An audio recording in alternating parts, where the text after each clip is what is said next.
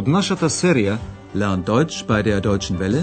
Учете германски со Deutsche Welle, чујте ја серијата Deutsch, warum nicht? Германски зошто не?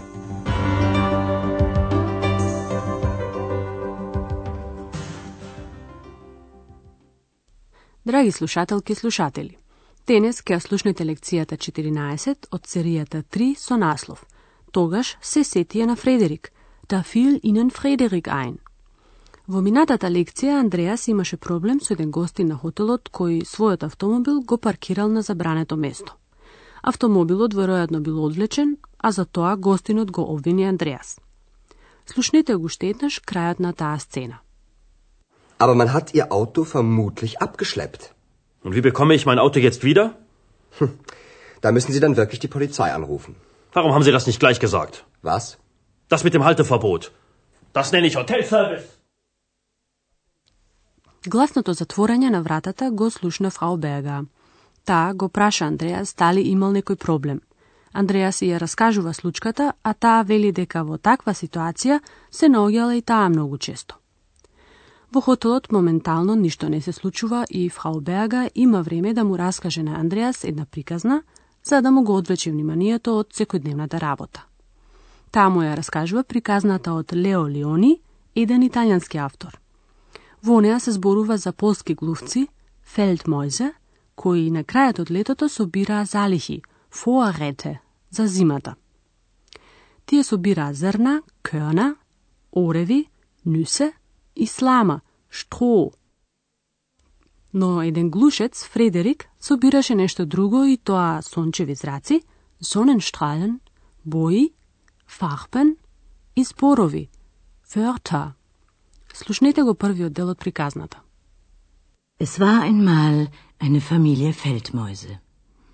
Der Sommer ging zu Ende und sie sammelten Vorräte für den Winter. Sie sammelten Körner, Nüsse und Stroh. Nur eine tat nichts. Frederik. Frederik, fragten die Feldmäuse, warum arbeitest du nicht? Ich arbeite doch, sagte Frederik. Ich sammle Sonnenstrahlen für den Winter. Ein wenig später fragten sie, Frederik, was machst du nun? Ich sammle Farben, sagte er. Und wieder ein wenig später fragten sie, Frederik, träumst du? Nein, sagte Frederik, ich sammle Wörter für den Winter. Слушнете го уште еднаш почетокот на приказната. Фрау Берга ја започнува приказната со еден идиом со кој најчесто се воведуваат приказни. Си било еднаш. Es war einmal. Во приказната се работи за една фамилија полски глувци. Es war einmal eine Familie Feldmäuse. Се наближуваше крајот на летото и полските глувци започнаа да собираат залихи за зимата. Фрау Берга раскажува. Се наближуваше крајот на летото и тие собираа залихи за зимата. Der Sommer ging zu Ende und sie sammelten Vorräte für den Winter.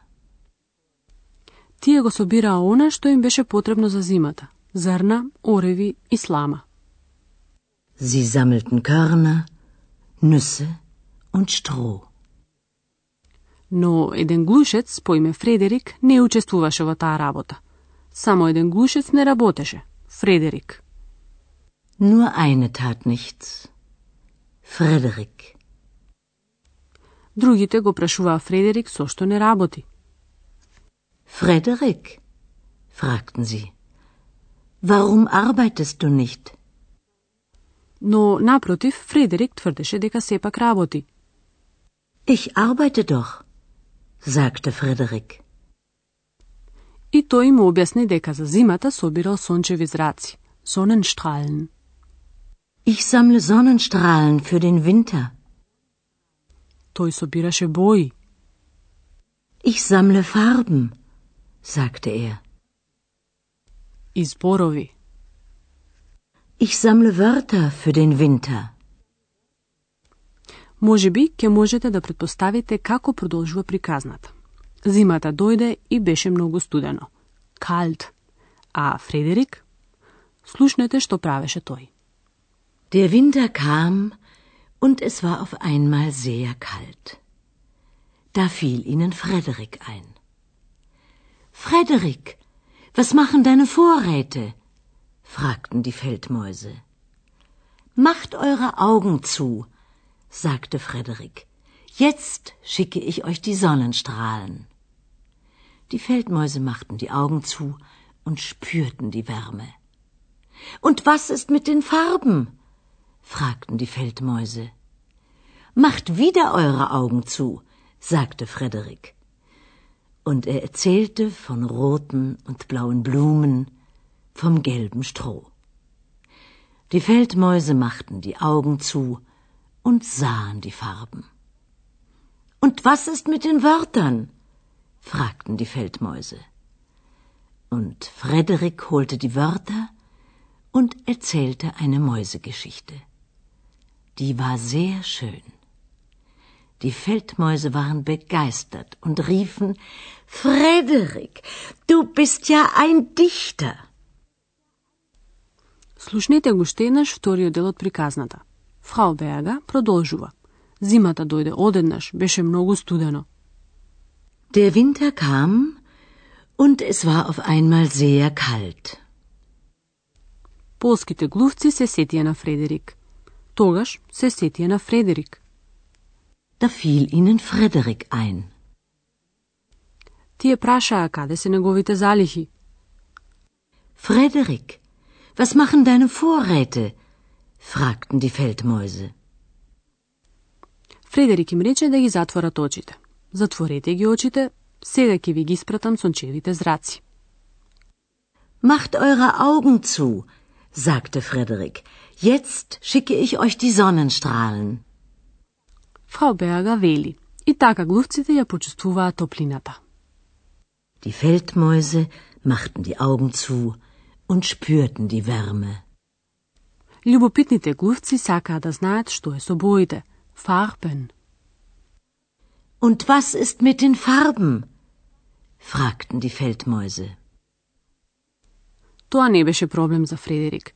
Тој раскажуваше за црвени и сини цвеќиња, roten und blauen Blumen и за жолтата слама, vom gelben Stroh. Und er erzählte von roten und blauen Blumen, vom gelben Stroh. Тој толку живо раскажуваше што глувците со затворени очи ги гледаа, односно ги замислуваа боите. Die Feldmäuse machten die Augen zu und sahen die Farben. Последната залика на Фредерик беа зборовите. Wörter. Und was ist mit den Wörtern? fragten die Feldmäuse. Фредерик ги употреби зборовите и им раскажа една приказна за глувци. Мојсе Geschichte. Und Frederik holte die Wörter und erzählte eine Mäusegeschichte. Ова приказна фрау Берга не ја раскажа, но кажа како реагирале глувците. Глувците беа воодушевени и извикаа Фредерик, ти си поет. Die Feldmäuse waren begeistert und riefen Frederik, du bist ja ein Dichter. Додека Андреас размислува за приказната, ние ќе ви ги објасниме формите на претерит кај неправилните глаголи.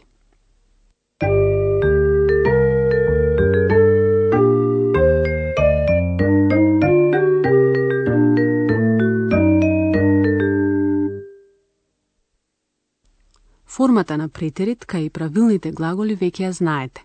Знак за претерит е те, кој се додава на основата на глаголот, а потоа следува наставката на глаголот. Слушнете го примерот со правилниот глагол собира.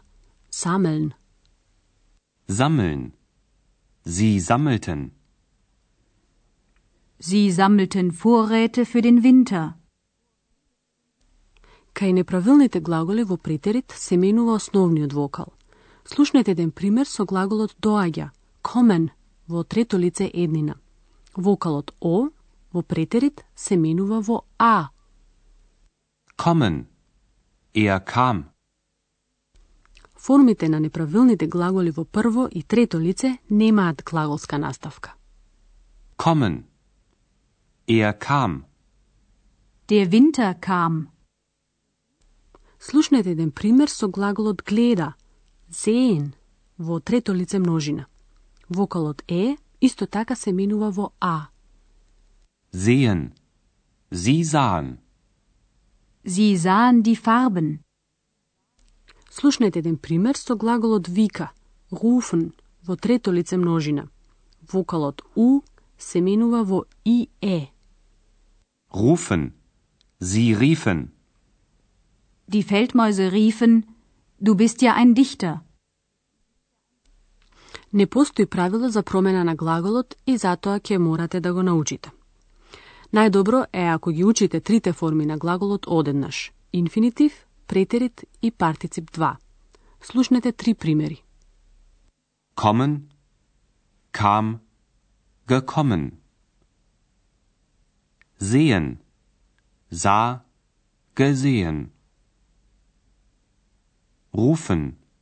Rief. Gerufen.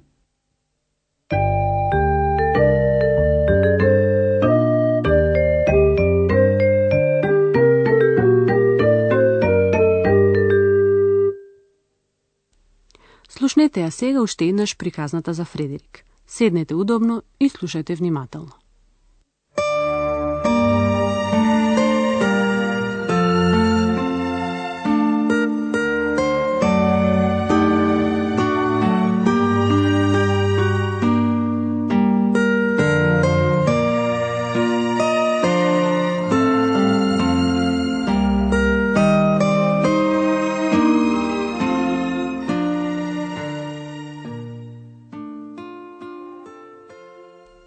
Фрау Берга ја раскажува приказната за полските глувци кои собираа залихи за зимата. Es war einmal eine Familie Feldmäuse. Der Sommer ging zu Ende und sie sammelten Vorräte für den Winter. Sie sammelten Körner, Nüsse und Stroh. Nur eine tat nichts. Frederik. Frederik, fragten die Feldmäuse, warum arbeitest du nicht? Ich arbeite doch, sagte Frederik. Ich sammle Sonnenstrahlen für den Winter. Ein wenig später fragten sie Frederik, was machst du nun? Ich sammle Farben, sagte er. Und wieder ein wenig später fragten sie Frederik, träumst du? Nein, sagte Frederik. Ich sammle Wörter für den Winter. Фредерик ги израдува глувците со неговите посебни залихи. Der Winter kam und es war auf einmal sehr kalt. Da fiel ihnen Frederik ein. Frederik, was machen deine Vorräte? fragten die Feldmäuse. Macht eure Augen zu, sagte Frederik. Jetzt schicke ich euch die Sonnenstrahlen. Die Feldmäuse machten die Augen zu und spürten die Wärme. Und was ist mit den Farben? fragten die Feldmäuse. Macht wieder eure Augen zu, sagte Frederik. Und er erzählte von roten und blauen Blumen, vom gelben Stroh. Die Feldmäuse machten die Augen zu und sahen die Farben. Und was ist mit den Wörtern? fragten die Feldmäuse. Und Frederik holte die Wörter und erzählte eine Mäusegeschichte. Die war sehr schön. Die Feldmäuse waren begeistert und riefen Frederik, du bist ja ein Dichter. Во следната емисија Екс ке се врати кај Андреас. До тогаш, до слушање. Тоа беше германски Зошто не? Радиоговорен курс на Херат Мезе во продукција на Дојче Веле и на Гетовиот институт од Минхен.